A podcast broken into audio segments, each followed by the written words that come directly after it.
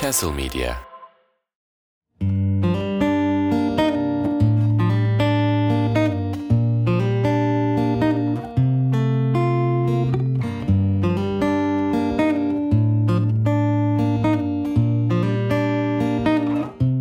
Selam herkese. Başka bir Hayat Var'ın yeni bir bölümüne hoş geldiniz. Bugün İstanbul'dayız. Tuz Biber stüdyolarındayız. Çok eski bir dostum, ODTÜ oyuncularından sahne arkadaşım Erdem Kaynarca ile birlikteyiz. Hoş geldin abi. Hoş bulduk abi merhaba. Erdem'le aynı anda ODTÜ oyuncularına başlamıştık aslında ve Coriolanus'ta beraber sahne aldık. Hani birçok insan olduğu gibi ODTÜ oyuncularına başlamış olmak hayatımızı baştan sona değiştirdi. Yani bence. Evet. Zaten aslında bu seriye konuk aldığım ODTÜ oyuncuları ekibinden dördüncü kişisin abi. Öyle mi? Evet. diğer diğer üçüncü üçlü kimler? Can Sarıkaya, Ha ha. Sali ve Gamze. Üçünü de çok severim. Yani daha da konuk alınır ODTÜ oyuncularından birçok şey konuşulur da bugün sendeyiz. Aslında topluluktaki süreç boyunca benim kendime en yakın gördüğüm insanlardan biri oldun hep. Hani zaten benzer ilgi alanlarımız vardı, muhabbetlerimiz Çok iyiydi. hoşuma gitti bunu duymak. Birçok konuda tartışıyorduk, konuşuyorduk, birlikte öğreniyorduk. Ortak birçok sahnemiz vardı. Evet, bir de yeğimiz de tutuyordu herhalde Evet. sanırım. Ahmet, sen, ben. Aynen. Aynı kuşak olmanın etkisi herhalde. Aynen. Bir de o efsane şey vardı. Kılıç dövüşü koreografimiz. Aa evet. Saatlerimizi, Evet. günlerimizi harcadığımız. Ee, Ben sonra o koreografiyi yapan insanla sektörün içinde karşılaştım. Bize o kılıç koreografisini çalıştıran. Hı hı. O adam oradan sonra almış, yürümüş. Cidden mi? Ee, Di- Diriliş Ertuğ. Kuzgun Akademi miydi? Tabii Kuzgun. Evet. İlker Hı hı. dinlerse selam olsun kendisine. Bayağı o şu an profesyonel bir şekilde sektörde dövüş koreografisi yapıyor zaten. Süper, çok iyi. Aynen. O da senin gibi almış yürümüş diyebilir miyiz? Bilmiyorum e, o dönemin insanlarına bir şey oldu herhalde. Peki ya tabii başlangıç noktamızı ODTÜ oyuncularından yapmamızı istiyorum. Yani çok fazla anımız var, çok paylaştığımız şey var. O yüzden şeyden başlayalım abi. Niye başladın ODTÜ oyuncularına, tiyatroya ya da? Ya çok garip bir e, hikayesi var onun. Çok garip değil de yani tuhaf. Şöyle ODTÜ'ye ilk geldiğimizde hepimizi bir oryantasyona soktular ya. Bütün kulüpleri tanıttılar. İşte o kulübü, sinema kulübü, bu kulübü, tiyatro, Amerikan futbolu falan.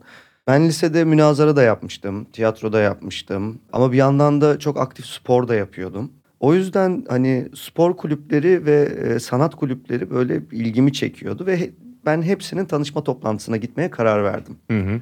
İlk önce Amerikan futbolunun tanışma toplantısı vardı. Güzel abi. İlk önce onlar davrandı diyebilirim. Tamamen başka kültür. Gerçekten gittim ve e, ba- başladık böyle bir hoşuma da gitti. Artistik falan böyle kasklar var. Böyle bir Amerikan futbolu böyle bir havalı yani. Filmlerde gördüğümüz bir Amerikan futbolu hayal ediyordum. Sonradan o öyle çıkmadı. Cheerleader'lar yokmuş. Hiç öyle bir dünya yok yani. Öyle olmayınca da Sonra tiyatro kulübünün oryantasyon toplantısına geldim. Çalışma günleri aynı güne denk geldi. Hı hı. Ben ilk sene Amerikan futbolu oynadım. O sene de takım yarı finale kadar çıktı. Türkiye üçüncüsü oldu. Çok büyük bir payım olduğunu söyleyemeyeceğim. Çaylaktım. Ama ben o sezon kaburgamı çatlattım. Hı hı. Ve ertesi sezon tiyatroya gideyim artık ya dedim. Çünkü çok fazla sakatlık gördüm. O zamana kadar oyunculukla ilgili bir şeyin yoktu yani. İsteğin. li- Lisede beni zorla hani ders içinde ağzım iyi laf yapıyor diyerekten önce münazaraya sonra tiyatroya zorla soktular. Ama hiç benim aklıma ben oyuncu olayım. Hı hı. Şey Yok abi ben hani felsefe önce lisede safım ya filozof olacağım diye ben felsefe bölümünü seçtim. Sonra kısa sürede anladım yani filozofluk diye bir şey olmadığını. Peki döndün profesyonel bir oyuncu oldun. Artık Evet. Şimdi peki geri dönüp baktığın zaman amatör oyunculuk deneyiminle ilgili ne hissediyorsun? Şöyle hayatımı şekillendiren yer ODTÜ oyuncuları. Yani Bunu ben o- de söylüyorum hani- biliyor musun? ODTÜ çemberi, ODTÜ çemberinin içindeki o ODTÜ oyuncuları çemberi ikisi de hayatımı dönüştüren yerler. Bence belki de hayatımız sonuna kadar hani orada oluşturduğum bazı şeyleri hep Evet. taşıyacağım yani. Evet. ODTÜ oyuncuları bana öncelikle sahne üzerinde olma sevgisini tanıttı. Hı hı. O amatör tiyatroda sahne üzerinde seyirciyle karşılıklı bir şekilde bir anlatı, bir oyun oynama hali yaşamak beni mutlu etti. Ki çok mutlu olan bir insan değildim o zamanlar. Hı hı. Felsefe okuduğumdan olabilir. Hep depresi, depresyon, bir depresyon ırkan falan vardı. Bir tek sahnede mutluydum. Galiba hani orada böyle ilk aşkımı amatör tiyatroda yaşadım diyebilirim. Hı hı. Peki ODTÜ felsefe aslında bir sürede devam ediyorsun. ODTÜ Hı. oyuncularından sonra. ODTÜ oyuncularına devam etmiyorsun yalnız. Ee, Bir sene sonra da mı devam ettin sen? Ben yok yok ben- ettim. Ettin mi? Şöyle ilk sene yoktum ben. Tamam. Sonra işte Coriolanus'ta beraberdik. Sonra bir sene daha sen devam aynen ettin. ben bir sene daha devam ettim. Sonra zaten dördüncü senemde okulda. Hı hı. Şöyle oldu o kararda. Aslında böyle bir arada kaldım. Baktım okulu uzayacak. Yani muhtemelen 5 seneden önce bitiremeyeceğim. en az bir sene uzayacak okul. Ben de yani. arada kaldım ve okulu bitirmeyi seçtim. Ben de şöyle dedim. Bir kere bir deneyeyim şu konservatuvar sınavlarını. Hmm. Olmazsa Geri dönerim. geri döner tamam. Hı hı. Ee, okulumu bitiririm. Denedim oldu gibi oldu biraz. Kadir Has'a geldin. Evet Kadir Has'a girdim. Sonra 2016'ya kadar Kadir Has'ta Aynen devam 2012-2016 arasında. Sonra işte bir takım kısa filmler, televizyon dizileri derken kariyerin ilerliyor. İşte Kalp Atışı, Yasak Elma, Annemizi Saklarken. Değil mi? Bunlar seni artık Evet. daha tanınır hale getiren işler oluyor. Evet öyle oldu. Yasak Elma, Ada Masalı gibi diziler. İşte geçen yaz Gül Masalı diye bir yaz dizisinde Evet, oynadım. Yaz orada, dizisi adama dönüşüyor musun peki? orada bayağı işte yaz dizisi adam oynadım. Yani Gül Gül Dükü oynuyordum. Öyle Isparta kontu oynuyordum sana öyle diyeyim. Nasıl bir his abi yaz dizisi adam Abi, olmak? Bir şey diyeyim mi? Bence kötü adam olmak daha güzel. Çünkü hani özellikle yaz dizisi ana karakteri Superman gibi bir şey böyle hero. Hı hı. Başına hiçbir, şey- hiçbir zaman yanlış yapmıyor. Her şeyin en güzelini biliyor. En doğrusu. Hep Karakter haklı. gelişimi yok diyorsun. Ee, çok olmuyor. Biraz dar alanda oluyor. Yani sadece karşıdan gelen kötülüklere karşı durumu Müthiş. evet güçlü duran, sevgi dolu bir şekilde olayları çözen bir arkadaş oluyorsun. Ben kötü adam oynamayı daha çok seviyorum e, en klişe ve yüzeysel tabirle. Peki birçok şey oluyor da bence kariyerinde hareketi sağlayan ilk şey Gazapizm'in klibinde oynaman. Yani ben Ölüler Dirilerden çalacağı gördüğümde oha vay lan falan demiştim. Helalerden falan demiştim. Sen sen ne hissediyorsun bununla ilgili ne düşünüyorsun? Galiba hepsi aynı anda pataküte başladılar yani hani Hmm. ilk dizi Gazapizm'in klibi aynı dönemde Almanya'da bir Mercedes reklamında oynadım ben. Öyle mi? Beni internetten buldular. Almancı bir genç lazımmış. Almancı görünen. Ee, Zoom yok o zamanlar. WhatsApp'tan Almanca görüntü- mı konuştun? E, Dublaj falan oldu. Hmm. Bir şeyler oldu. Ee, bayağı Almanya'da sinemalarda gösterilen bir Mercedes reklamında oynadım. Güzel İşte abi. bu- her şey üst üste geldi orada böyle bir Bir anda kısmetin açıldı yürü ya gibi. kulum anlarından biriydi o. Ee, ama mesela hani bir sürü şey saydın ya bunun altında hep şu vardı. Okula girdim. Okulda ilk birinci sınıftayken tiyatrolarda asistanlık falan yaptım. İkinci sınıfta oynamaya başladım. Ve ya 10 yıldır aralıksız tiyatro yapıyorum. Alttan Hı hı. giden ve aslında maddi olarak en az getiriyi getiren o olabilir ama manevi olarak ve diğer bütün işleri besleme açısından Hı hı. benim için en önemli aks e, tiyatro oldu hep. Yani e, işte minimum bir oyun, e, kimi sezonlar 4 ya da 5 oyunda oynadığım da oldu. Hı hı. E, tiyatro aynı anda 2-3 oyun, aynı anda kısa filmler bir şeyler bunların hepsi üst. Ben şeyi seviyorum galiba. Aynı anda birçok şey yapmayı. Böyle tek bir şey yapınca evet, tek bir şey yapınca çalışmıyormuşum gibi geliyor. Bak, Yetersiz geliyor değil mi? Sanki köreliyormuşsun gibi hisset. Ben öyle hissediyorum. biz biz 90'lar çocuklarında mı var bu hırs ya? Sürekli yeterli değilmişiz hissi. Evet belki de ailemizle ilgili mi acaba? Baba. Peki güzel bir giriş oldu abi. Teşekkür ediyorum tekrar geldiğin için. Ee, güzel hikayen e, keyifli. Neler yaptığını da aşağı yukarı takip edebiliyoruz bir oyuncu olarak. E, tiyatro tutkusu orada hala. E, ama televizyon, sinema, e, online platformlar. Ama ben e, şunu sorarak aslında e, girişi bitireyim. Ya bunlar dışında kendini nasıl tanımlıyorsun? Yani oyunculuğu, tiyatroyu, sahneyi senden aldığımız zaman geriye ne kalıyor? Bu soruyu ben hep kendime soruyorum. Hatta şöyle bir yerden de soruyorum. Yani ünvan denen şey ya da yaptığım meslek seni ele geçiriyor ve sınırlandırıyor. Yani eee, işte atıyorum eee, sunucu Kaan Bolat demek Hı hı. sana bazı niteliklerin olması gerektiğini dayatıyor. Neler yapmaman gerektiğini dayatıyor. Oyuncu Erdem demek bir anda beni bir şekle şemale sokuyor. Bunu hep buna bağlanmamadan hani buna kendimi bağlamadan eee, var olmayı eee, var olmaya çalışıyorum. Bu kolay bir şey değil. Tabii Hı hı. ki de oyuncu erdem e, diye bir şey var ama erdem ne? E, bunun için hayatımda özen göstererek yaşamaya çalışıyorum. Erdem ne kalıyor bunları alınca erdemden geriye? Ben abi e, meraklı bir insanım Hı hı. ve e, tekamüle inanıyorum. Yani amaç olarak böyle bir yerdeyim ben. İyi niyetle tekamül etmek. Yani başka bir deyişle bu potansiyel iyi niyetle nereye kadar gidebilir? Hı hı. Hani hayat hayattaki yolum benim böyle bir şey galiba ve bu hani çok uzun zamandır her seferinde hani katı fikirli olduğumdan değil hatta aksine ben bütün fikirleri karşıtlarıyla çarpıştırmayı çok severim. Hı hı. Bir fikrin e, yani münazara benim zihnim münazara yaparak çalışır. Hı hı. O- Ama hiçbir şey bunu yenemedi bugüne kadar. Hı hı. Hani iyi niyetli potansiyel e, bu potansiyel nereye kadar gidebilir önermesinin üstüne çıkan bir önerme olmadı. Bu erdem bu. Bunu deneyen insan. Güzel bir tanım. Ya da profesyonel meraklı da diyebiliriz. Çok iyi bir tanım. Profesyonel meraklı çok iyi. Eyvallah. Peki nasılsın bu aralar? Nasıl hissediyorsun? Kendimi çok iyi hissediyorum ama çok yoğunum ve çok yorgunum. Yani e, iki hafta içinde herhalde bir senelik bazı insanın bir seneye sıkıştıracağı olayı iç içe yaşadım. Hı hı. İşte e, fi- film çektim, işte e, ailevi işlerle uğraştım, özel hayatla ilgili dertlerle uğraştım, ev değiştirdim. E, bir yandan gitmem gereken yerlere gittim, görüşmem gereken insanlarla görüştüm. Bunların ne, ve bu arada filmi de bir Adıyaman, bir İstanbul'da çekiyorum. Bir yandan işte görüşmeler Bodrum'da olabiliyor, başka yerde olabiliyor.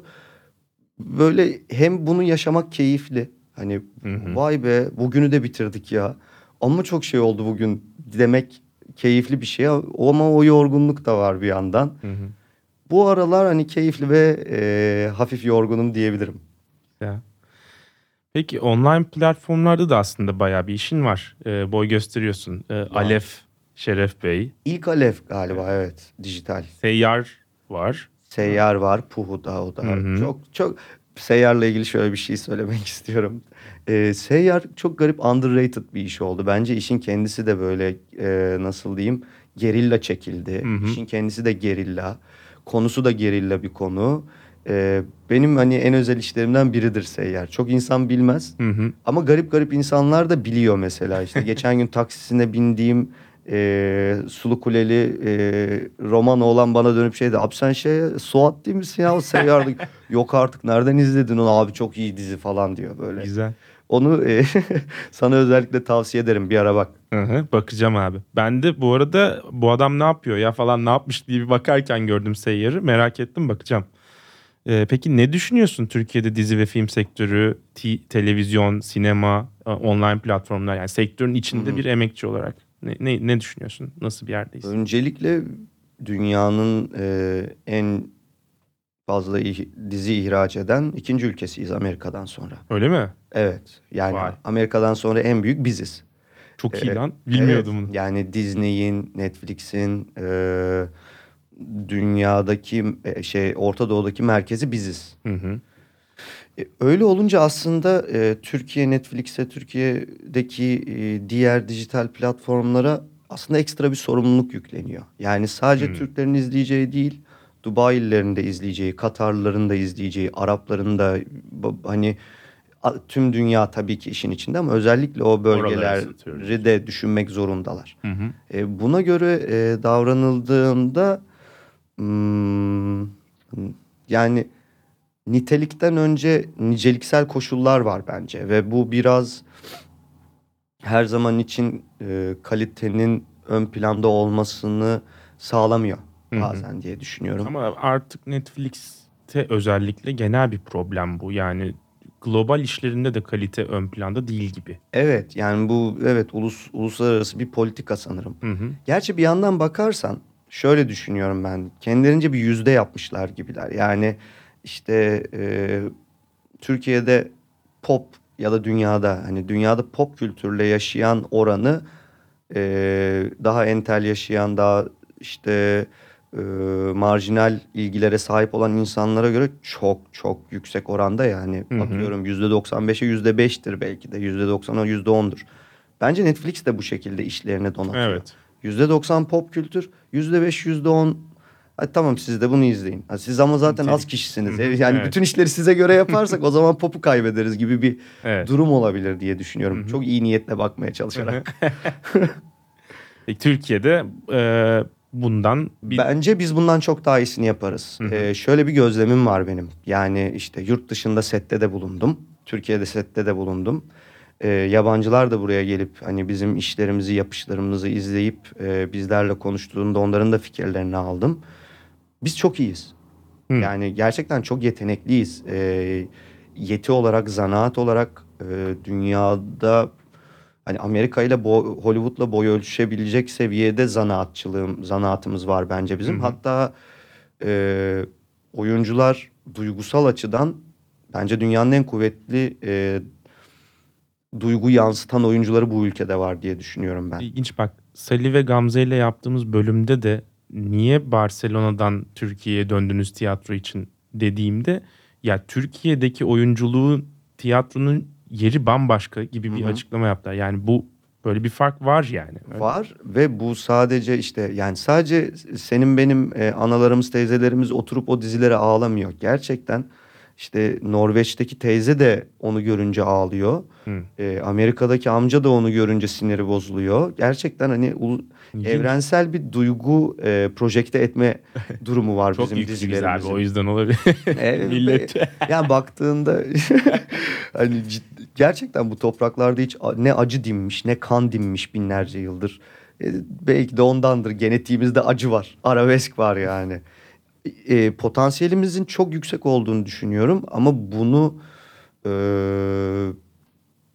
kaliteyle daha tam birleştiremedik. Daha yapabileceğimiz çok daha iyi işler var.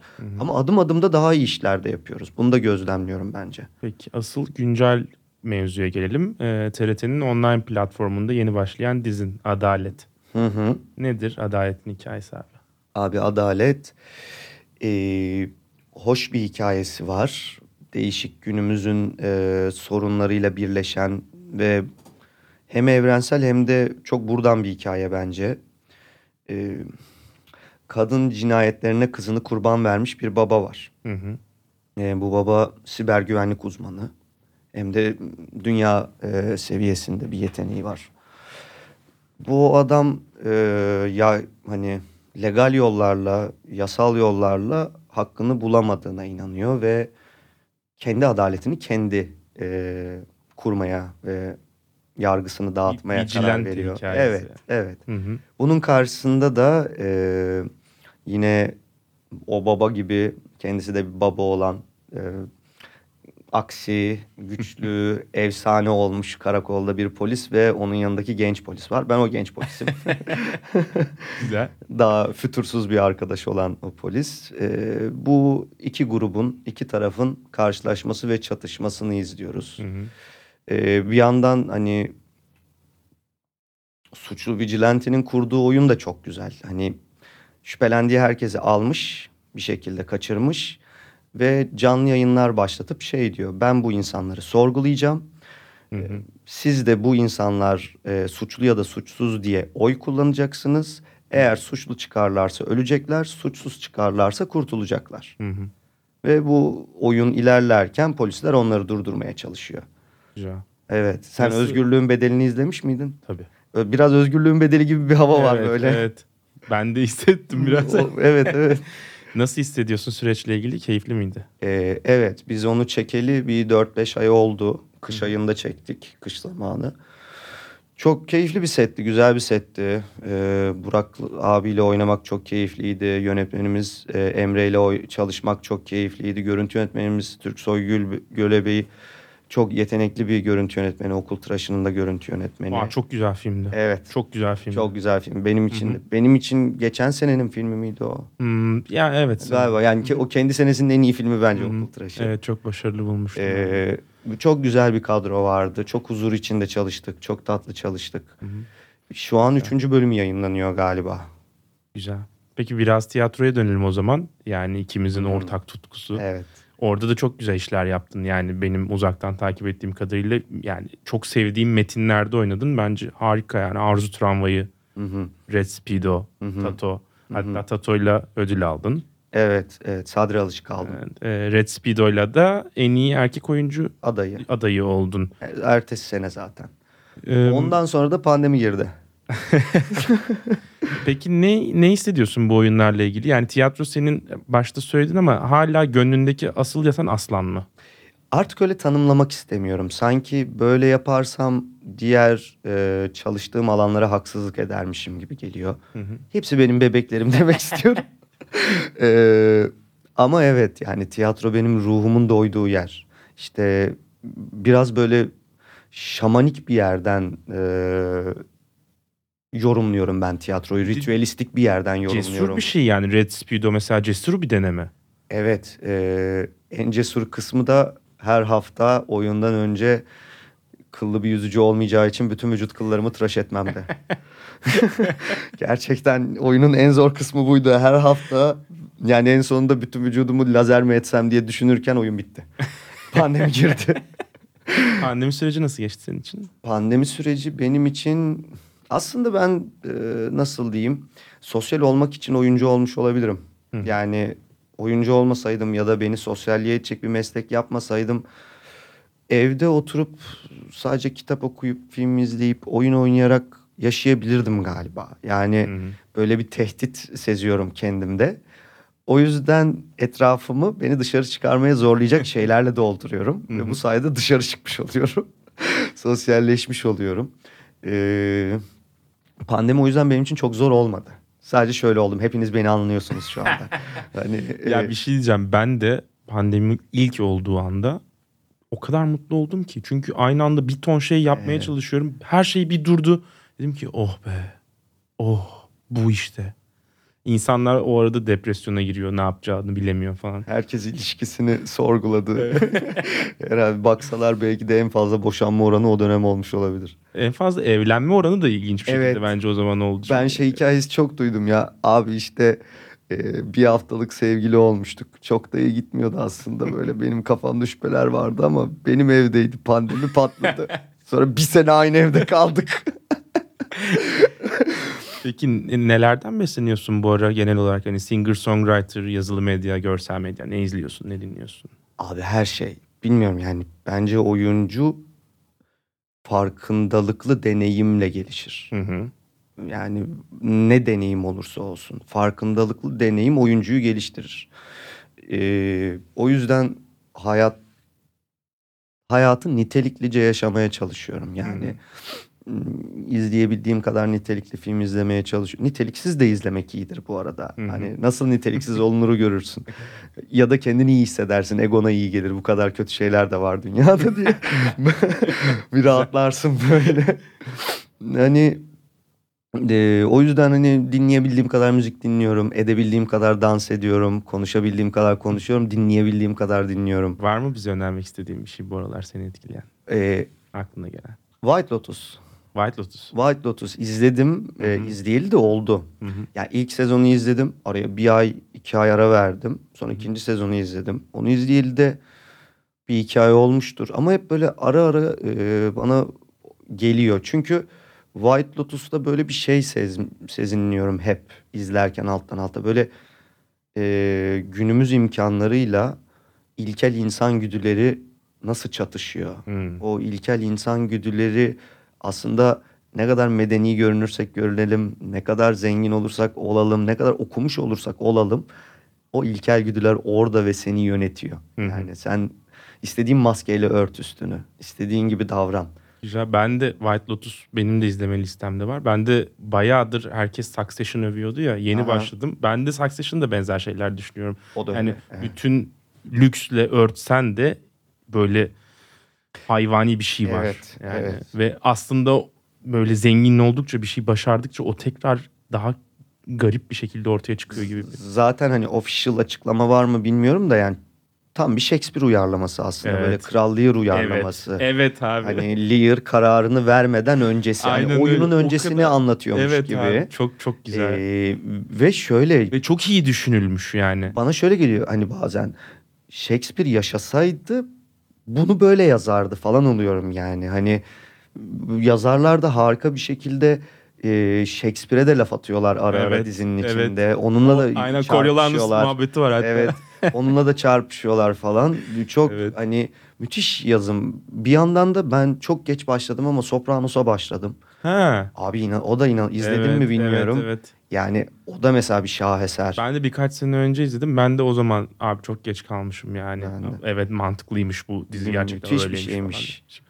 Peki e, yavaş yavaş asıl konularımıza girelim o zaman. Hadi bakalım. Ee, ya hayatta herkesin bir takım tutkuları var abi. Sen de aslında emek verip okuduğun okulu yarım bırakıyorsun. Tutku duyduğun işin peşinden İstanbul'a geliyorsun. Burada çok daha fazla emek gö- gösteriyorsun. Böyle sıfırdan bir kariyer inşa etmeye başlıyorsun ki o dönemlerde ne kadar zorlandığını, ne kadar çok çalıştığını, verdiğin emekleri yani hem konuşmalarımızdan hem bugün anlattıklarından, hı. sohbetlerimizden e, görebiliyorum. Hı. Bazılarını hatırlıyorum. E, sahne çalışmalarından hani buraya kadar gelirken harcadığın emeğe uzaktan da olsa biraz tanık oldum abi. Az da olsa seninle empati de yapabiliyorum. Ya e, senin tutkun sanki işte oyunculuk, oyun oynamak, sahnede olmak, performans göstermek. Yani birilerini canlandırmak, yeni bir karaktere hayat vermek gibi geliyor bana buradan baktığım kadarıyla. Yani hatam varsa lütfen düzelt beni. Hmm, Sadece şey ekleyebilirim buna. Ee, bunu yaparak arınmak ve belki birilerinin arınmasına yardımcı olmak. nedir? Arınmayı biraz açmak Yani misin? şey gibi bir işte en temel e, tiyatro bilgilerinden biri olan katarsisten Hı hı, bahsediyorum hı hı. aslında. E, demin de söylediğim gibi hani ritüelistik bir yerden görüyorum ve şuna inanıyorum. Tiyatro, oyunculuk şuradan çalışıyor. Spor da oradan çalışıyor. Yani e, nöronların, e, nöronlar ve ayna nöronların iletişimi şunu mümkün kılıyor. Eğer ben sahnede gerçekten elimde bir kafatası olduğunu hayal edip o kafatasını görerek, çok güçlü görerek konuşursam onu herkes görür. Hı hı. Nasıl olduğunu da görür onun. Yani buradan çalıştığı için tiyatro e, e, oyuncu sahnede katarsis yaşadığında o zaman seyirci de katarsis yaşanıyor. Hı Ve o zaman işte neredeyse dini bir ritüele dönüyor. hı. hı. Hiç unutamam mesela e, Nadir Sarıbacak'ın Yer Altından Notlar Hı hı. tek kişilik oyununu izlemiştim oyun atölyesinde. Hı hı. Çok da garip bir oyuna denk gelmiştim. Oyunun sonu öyle bir yerde bitmişti ki alkışlayamadık. Nadir abi durdu. Işıklarda böyle reji gereği yavaşça gittikçe azalıyor. İçimin çekildiğini ve karardığını hissettim. Böyle bütün o o adamın bütün derdini içimde duydum. Çaresizliğini. Ölse ölemiyor, gitse gidemiyor. Sonra mecbur hani seyirci o gerçek yaşama döndük ve alkışladık. Sonra Hı kuliste yanına gittim.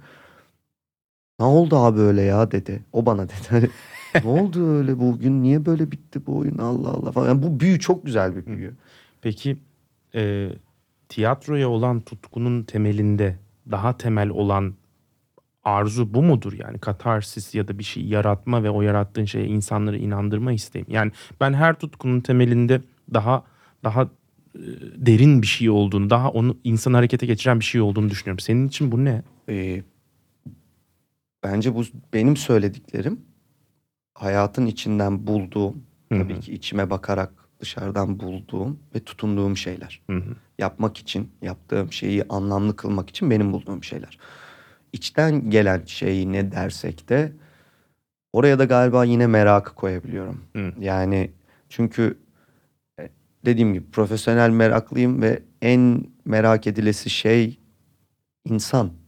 Hı hı. Yani gerçekten Ve aslında merak ettiğin şeyleri belki de en özgürce deneyebileceğin yerde sahne. evet, evet yani ha- tiyatro sahnesi özellikle iyi bir metinle beraber hayattan daha gerçek bir yer olabiliyor. Hı hı. Ee, kim kimin röportajını dinledim geçen gün Ee, Haluk Bilginer diye isim geliyordu o değil. bir, biri şey diyor işte hani Cumhurbaşkanının e, evde karısıyla e, tartıştığına işte Cumhurbaşkanının karısının Cumhurbaşkanına bize sökmez başkanlık burası bay hani böyle bir şey gerçek hayatta göremezsin ama tiyatroda görebilirsin. Hı hı. Hem bu anlamda hayattan daha gerçek hem de yaşayış olarak da duyguların yüksekliği olarak da gerçek hayatta biz her kalkamızda o kadar duygularımızı dışa vuramıyoruz ki. Hı hı. Ama sahnede vuruyor oyuncu ve seyirci de vurmuş oluyor bu sebepten Hı ötürü. hı. Güzel. Yani hayattan daha gerçek bir şey yaşamak diyorsun ha? Evet. ve yaşatmak. Bir de hani çok faydacı bir yerden hiç ulvi bir yerden değil. Dediğim gibi iyi geliyor. Hı hı. İyi geliyor yani. Gayet iyi hissettiriyor. Evet iyi hissettiriyor. Peki baba sen güzel tiyatroda güzel işler yapmış. Türkiye'de artık tanınmaya başlamış. Yükselişte olan, işini ciddiye alan ve iyi yapan bir oyuncusun.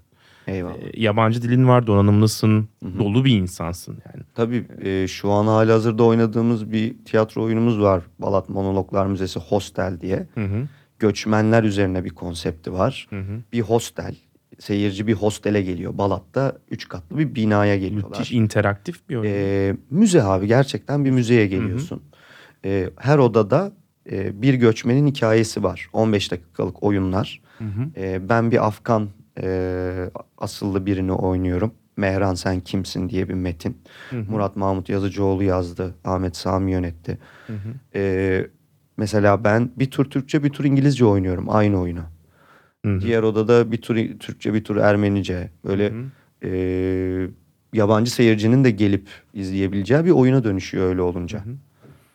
Müthiş bir oyunmuş bu arada. Umarım izleme fırsatım Evet. olur benim de. Gelecek sezon devam ederiz. Haber Süper. ederim. Eyvallah. Ee, ama tiyatro yapmak bu ülkede her geçen gün zorlaşıyor. Ya Hı hı. Müjdat Gezen bile tiyatrosunu kapatmak zorunda kalıyor gibi bir durum var. E, dizi sektörü desen hani e, zor şartlar içinde Hı hı. çalışıyorsunuz. Yani uzun saatler ve belki de emeğinizin karşılığını çok alamadığınız e, bir sektör. Hala e, televizyon için 2-3 saatlik diziler çekiliyor. E, e, yani sen istesen sanki şu an istediğin ülkeye gidebilir. E, İngilizce tiyatro, oyunculuk yapabilir. Hatta yaz dizisi adam olduğuna göre yeni bir Can Yaman olabilirsin. ya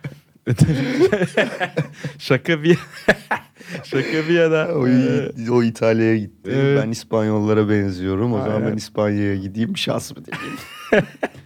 ya yaptığın işi çok daha iyi koşullarda ve karşılığını çok daha tatmin edici bir şekilde alarak yapabilirsin. Hani ne tutuyor seni burada? Ya sırf burada kısmen ünlü olduğun için mi kalıyorsun abi? Nedir yani?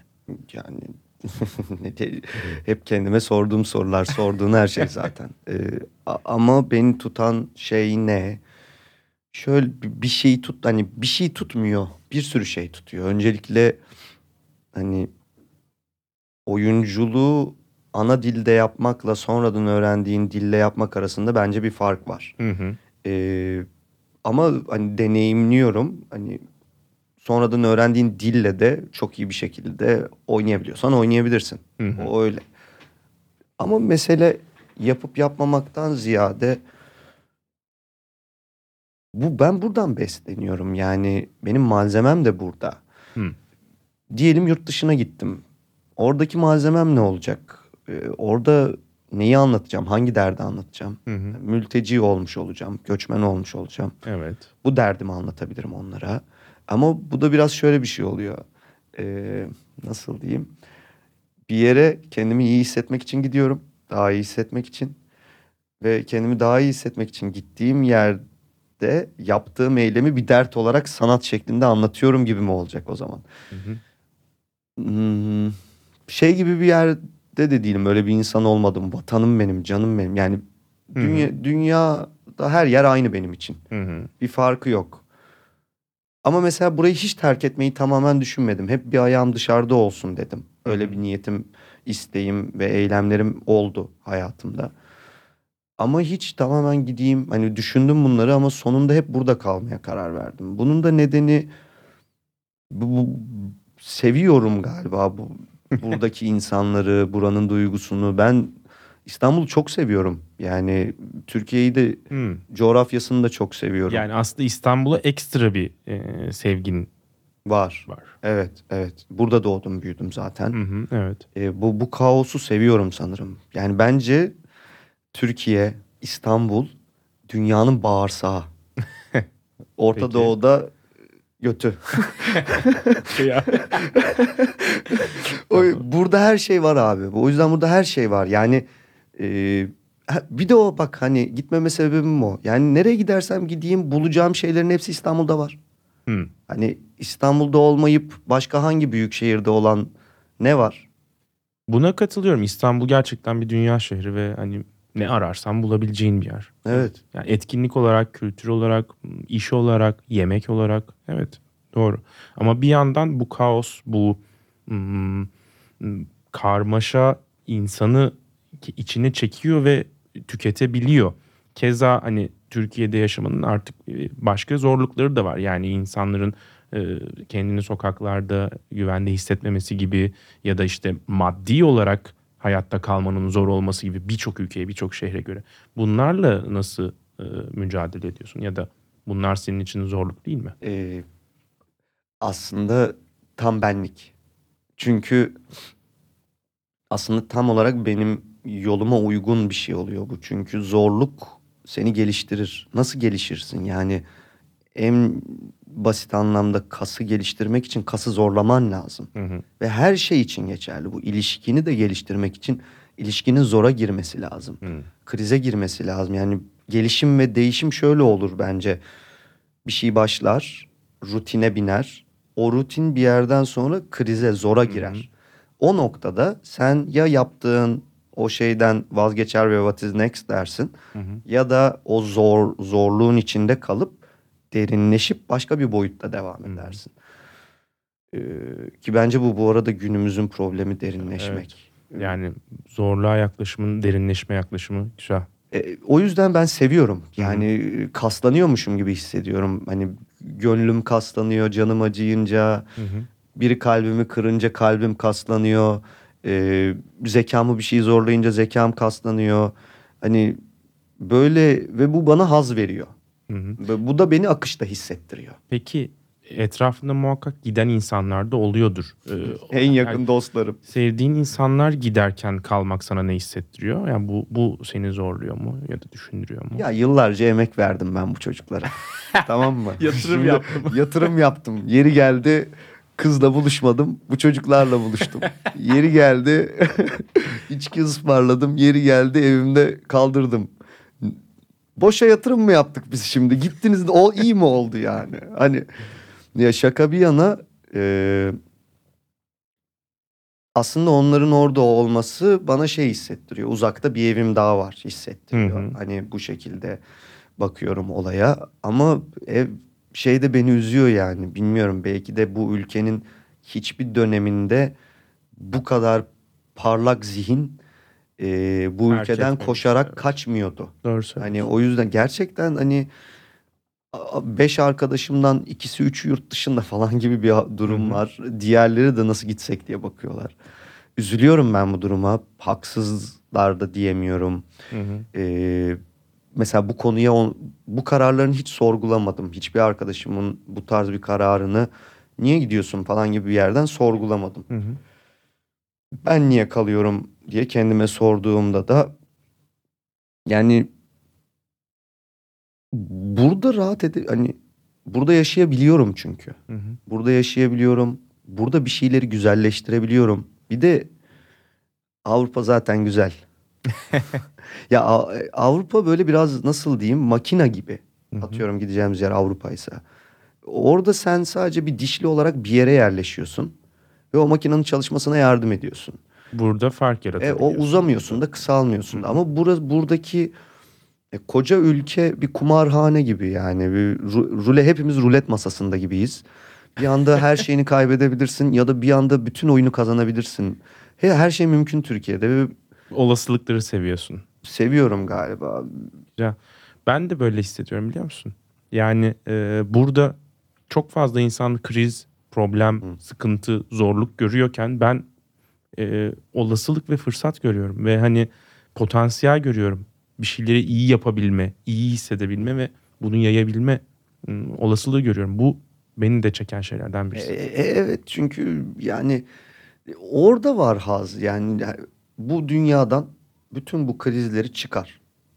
Geriye ne kaldı? Huzur kaldı diyelim. Sürekli huzurlu olursan sıkılırsın. hani ya sürekli aynı şey devam ederse çok sıkıcı olur. Ya bunlar çok güzel. Hani güzelliğin kıymetini bilmek için bile bunlarla uğraşmaya değer. Lakancı bir yaklaşım oldu bu hocam. Oldu biraz. E, arzunun kendisi arzuyu arzulamaktır gibi bir yere gidiyoruz. Müdür, Yani müdür, müdür. arzuladığın şeyi elde edersen o artık arzu değildir gibi bir yere geldik. Evet. Terry Eagleton'ın da böyle Hamlet üzerine yazdığı bir şey var. Yani evet ele geçirdiğin anda arzu bitiyor. Hı hı. Peki yani sen aslında e, senin buraya konuk almak istedim çünkü birincisi bir şeyi istediğine karar verdin ve çok genç yaşta hayatını kırdın ve Hı hı. onun peşinden koştun. Geldin burada sıfırdan bir şey inşa ettin, kendi alanını inşa ettin ve kendi alanında kendi e, arzuladığın şeylerin peşinden koşuyorsun ve bir o alanı genişletmeye, e, insanlara yaymaya ve o alanda hayatta kalmaya çalışmaya devam ediyorsun. Yani aslında e, açıkça başka bir hayat yaşanabileceğini gösteriyorsun bize. En azından bana. Seni takip eden birisi olarak, hikayeni bilen birisi olarak belki seni takip eden ama hikayeni az bilen insanlar da şimdi daha çok biliyorlardır. O yüzden sana sormak istiyorum. Yani gerçekten başka bir hayat var mı Türkiye'de? Ya da başka bir hayat varsa da tek yolu senin hayatını yaşamak mı? Başka bir hayat her zaman var bence. Ee, ve bunun kaç tane yolu var? Ne kadar insan varsa o kadar yolu var. Hatta aynı insan içinde de başka bir sürü yol var. Ee, ben mesela şöyle bir cümle kuramıyorum. İsterim hayatımın sonuna kadar oyunculuk yapmak. Evet. Ama hayatımın sonuna kadar oyunculuk yapacağım. Bilmem manasız geliyor böyle bir şey demek. Çünkü her an başka bir şey yapabilirim. Ne bileyim kendimi e, tamamen her şeyden vazgeçmiş, sırtıma çantamı almış ve gezinirken de hayal edebiliyorum. E, bir toprağa yerleşmiş, o toprakta üretirken de hayal edebiliyorum. Sadece benim için olduğunu düşünmüyorum bunu ama emek ve ürün, Mar- Marksist bir şey söylüyorum ama e, emek ve ürün dengesi eğer yaptığın şeyi de severek yapıyorsan seni sonsuza kadar yaşanır ve o başka hayat öyle bir yerde. Yani insanın kendine şunu sorması gerek. Is- ızdırapsız hiçbir şey yok. Sorunu olmayan hiçbir şey yok. Yani aldığın ev tamir ettiğin ev. Ee, beraber olduğun kadın kavga ettiğin kadın. Aldığın araba benzini biten bozulan araba. Hı hı. Ne yaparsın hani aldığın her yeni şey, ulaştığın her yeni şey sana yeni sorunlarla, yeni ızdıraplarla beraber geliyor. Bence burada soru neyi yapmayı ya- neyi yapmayı seviyorsun değil. Hangi ızdıraba daha daha iyi katlanırsın? Vay çok iyi yaklaşım helal. E, Çünkü sevemezsin tamamen yaptığın şey. Bu bununla çok kavga ettim. Yani 10 senedir tiyatro yapıyorum. 30 tane oyunda oynamışım neredeyse. Ee, 30 oyun 10 yıldır belki de yüzde doksanında her oyundan önce ayaklarım benim geri gider. Sürekli şöyle yaparım. İnşallah bir şey olsa elektrikler gitse de bu akşam oynamasak arabam mı bozulsa arasam hastayım mı desem. Yemin ediyorum sana bir yandan hani o günümü o oyuna ayırırım ben. Hı hı. Böyle ritüelistik geçer. Hani içten içe ben akşama hazırlanırım. Ama Hı. bir yandan da bir ses bana sürekli şey der. Ne olur oyun iptal olsun, birine bir şey olmuş olsun, ne olur iptal olsun.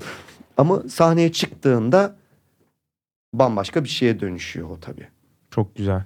Çok güzel anlattın. Çünkü aslında bu yani dışarıdan bize gelen şeylerle evet yani ızdırap istedik isteklerle ızdıraplar aynı anda geliyor. Bir yandan kendimizle de yaşadığımız bir şey ya bu. Yani onlardan vazgeçebiliriz de kendimizden vazgeçemeyiz ve kendimizde de Hı hı, sevmediğimiz, istemediğimiz birçok şey var. hı hı. Ve herhalde bunlarla e, yaşamayı e, öğrenebilmek ya da bunlara katlanabilmek aslında bizi hayata katlanabilmeye hazırlıyor ve sonrasında da kendi alanımızı yaratmaya itiyor diye düşünüyorum. Evet kesinlikle. Kesinlikle. Çok güzel bir sohbet oldu. Çok teşekkür Evet. ederim. Kapatıyoruz yavaştan. Var mı son olarak söylemek istediğin? Valla söylemek istediğim bir şey çok güzel. Çok teşekkür ederim. Harika bir sohbet oldu benim için. Yine yapalım. Farklı konseptlerle yine buluşalım. Çok isterim. Çok uzun zamandır görüşemiyorduk biz bu arada Erdem'le. Bu vesileyle buluşmuş ve birbirimizi görmüş olduk. Ve o kadar mutlu oldum ki. Çok teşekkür ederim geldiğin için abi. Ben teşekkür ederim. Gerçekten hani e, çok yorgun geldim buraya. Yarın Ama- da yola gidiyorsun. Yarın sanırım. sabah evet Adıyaman'a sete gidiyorum. Buradan da bir etkinliğe daha gideceğim bu arada. Ee, ama bu burada olmak, bu sohbet, bu gerçek muhabbet e, bütün yorgunluğumu aldı. Harika. Eyvallah o yüzden. Eyvallah. O zaman en kısa zamanda tekrar görüşmek üzere. Görüşürüz. Başka bir hayat varın bir sonraki bölümünde görüşmek üzere. Başka